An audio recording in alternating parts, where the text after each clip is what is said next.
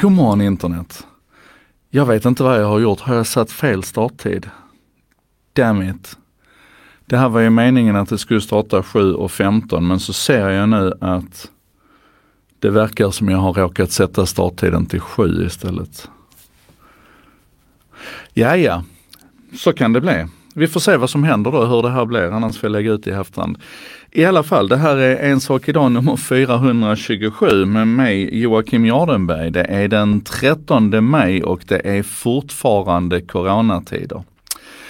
Ska det där vara över snart? Vi får väl se hur det går med det. Eh, idag ska En sak idag i alla fall handla om eh, en aldrig sinande källa till nyheter, Facebook. Jag skulle kunna göra en sak idag till att bara handla om Facebook egentligen, känns det som.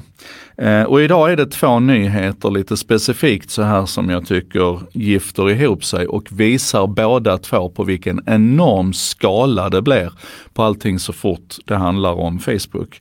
Men det handlar också om hur um, vad ska man säga, när man tittar på Facebooks motivation att göra saker och ting så, så måste man liksom ha hela, hela bilden klar för sig för det finns mycket komplexiteter i det här.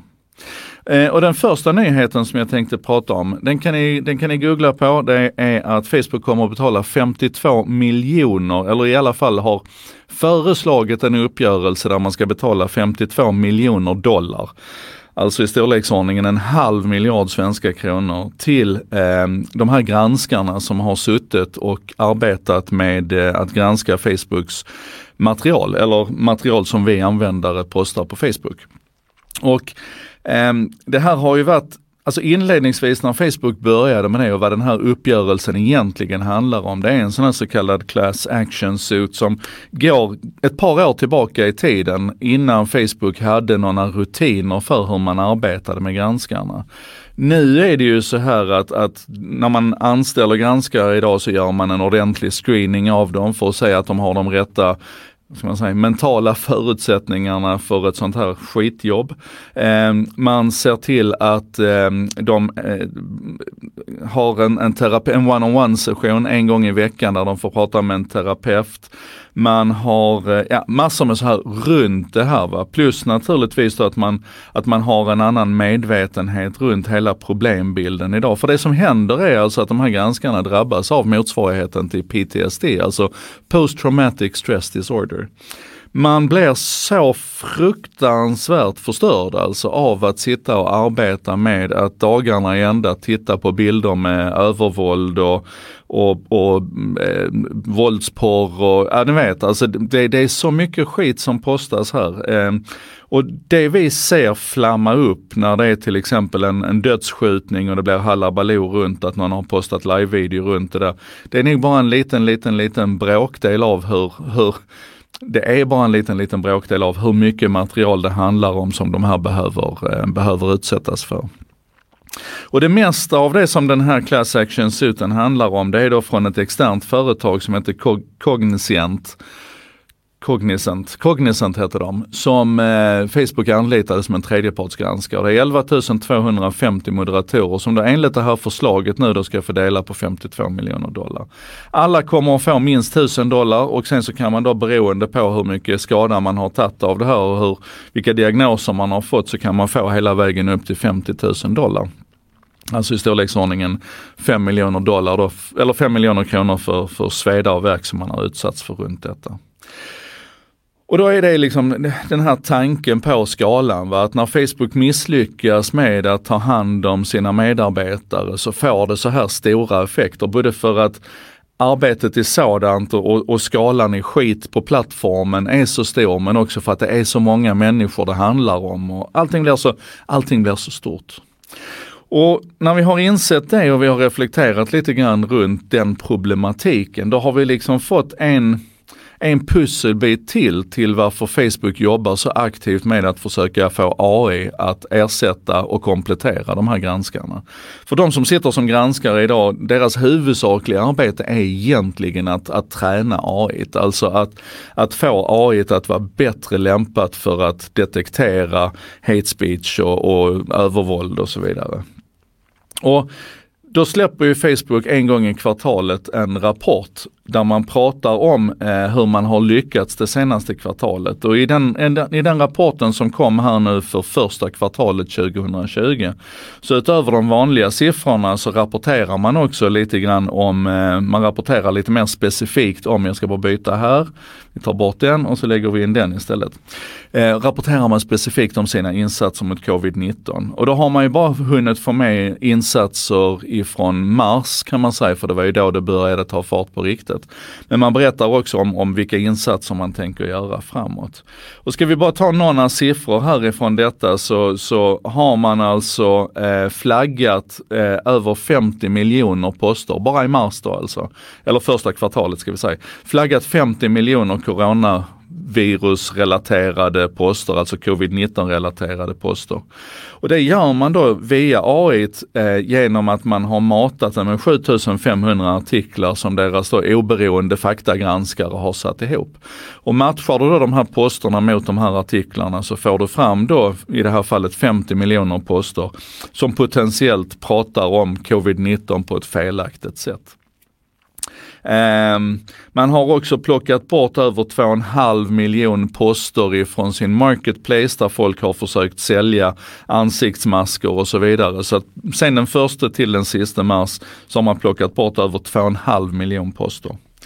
En annan siffra som är intressant är att i de här fallen när de flaggar någonting som missinformation, alltså när de, någon av de här 50 miljoner posterna, så kan man säga att 95% av tiden så väljer den som får en sån här flagga då att inte liksom klicka vidare och titta på det här innehållet. Det finns alltså, skulle jag då hävda att man kan läsa ut av det här ett ganska stort förtroende för, um, ganska stort förtroende för, um, för Facebooks detektion här. Um, en annan sak som är superintressant, naturligtvis att titta på allting som har med covid-19 att göra runt det här, men en annan sak som är superintressant, det är hur man nu har börjat arbeta på allvar med att förstå memes. Alltså ni vet de här skämtsamma, eh, ofta virala, eh, lite så ironi, sarkasm där man försöker skoja med någonting.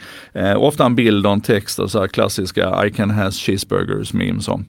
Och där är det ju jättebesvärligt för AI för att, att detektera, att, att kunna detektera det här. Och här pratar man in, in längst i den, här, eh, i den här rapporten nu om hur man försöker eh, bli bättre på det. För ni vet, du kan ju ta en bild som i sig är helt oskyldig och så kan du ta en text som i sig är helt oskyldig. Men när du kombinerar den bilden och den texten eller, eller lägger, ehm, eh, lägger textskyltar över en video eller någonting så kan du förändra hela innebörden av det. Du kan gå ifrån att vara väldigt oskyldig till att vara väldigt eh, väldigt dåligt helt enkelt. Eh, och det här är en, en, en jätteutmaning. Eh, där man nu då har, har skapat egentligen en, en meme-generator som bygger memes som du sen kan matcha mot andra memes. Så en, en, en ytterligare svårighet här förutom att liksom försöka tolka bild och text ihop och, och förstå avsikten och innebörden. Det är att, att många gånger så liksom itererar de här memesen lite grann så att det finns en andra, en tredje, en fjärde och en femte version som är nästan identisk men inte likadan. Och här behöver man ju då utöver att kunna följa den här resan och fortsätta ta bort de, de dåliga memesen så att säga, de som innehåller hate speech och, och övervåld och så vidare. Så vill man ju vara säker på att man inte plockar bort de som kanske försöker vända det här till någonting positivt istället. Och, och det är samma problem som man har med coronainformationen. Att om, om någon till exempel gör ett meme som, som skojar om att du kan få eh, Eh, covid-19 via toalettpapper och någon sen försöker göra en variant på det där man förtydligar att du kan inte få covid-19 via toalettpapper.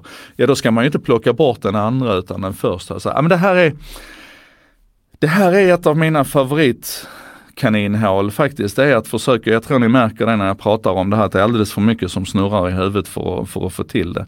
Men gräv lite grann i det här själv och fundera på de här utmaningarna när, när maskinerna ska försöka tolka så svåra saker som ironi och sarkasm. Um, det blev, det blev knepet idag. Det blev knepet på många plan. Ehm, jag hade satt fel starttid. Ehm, jag kom in i det kroket. Jag har för mycket som snurrar i huvudet samtidigt. Så jag tror faktiskt att jag gör så att jag ber om ursäkt lite grann för dagens en sak idag. Så får vi får vi ta nya tag imorgon helt enkelt. Ett par metagrejer bara. Jag är lite nyfiken på hur du som ehm, eh, hur du som bara lyssnar på podden eh, tyckte om gårdagens avsnitt som ju blev 43 minuter långt där jag hade en intervju med Axel Andén. Jag har ju fått mycket feedback i, i eh, i de vanliga kanalerna, i videokanalerna så att säga. Men jag vet ingenting om vad ni tyckte ni som följde i, eh, i podden. Så hör gärna av er och berätta om, om det funkade med lite longform även i, i poddformatet. Um, och sen så ska jag tipsa om att på onsdag kväll nästa vecka så blir det en En sak idag special. Det är ju Kristi himmelsfärd på torsdag. På fredag tänkte jag vara ledig nästa vecka. Så att vi gör en, det kommer en vanlig En sak idag på morgonen på torsdag nästa vecka och sen så kommer det en special på kvällen. Och den specialen det kommer att vara med Marcus Gustafsson som är chef på Omni. Han som bland annat har skrivit och berättat om hur det gick till när Sveriges vassaste nyhetsredaktion flyttade hem och började arbeta hemifrån istället. Så häng med den på onsdag kväll. Eh, och sen den tredje grejen som jag skulle prata om som var så här lite meta, det är att olyckligtvis då eftersom jag strulade till det idag, men idag gjorde jag också första testet med att sända live från StreamYard in i ett eh, LinkedIn-event. Ni vet man kan ju skapa event på LinkedIn. Och det här tycker jag är lite spännande. Dels för att det har inte gått att förinställa liksom en, en, eh, en livesändning på, på LinkedIn, att folk kan signa upp på den på förhand. Via eventen så kan man ju göra det här. Men det är också intressant intressant för att det här dök nyligen upp som en möjlighet och jag tror det tog tre dagar eller någonting för de här två utvecklarna som arbetar med plattformen StreamYard att skapa en koppling så att man kunde streama in till ett LinkedIn-event också. Jag tycker de är, det är magiskt och det är jättespännande. Eh, David Åkerman tycker att gårdagens var super. Ja men hörru du, tack så hemskt mycket. Det var lite mindre super idag, men som jag sa, nya tag imorgon med En sak idag nummer 428. Vi ses då.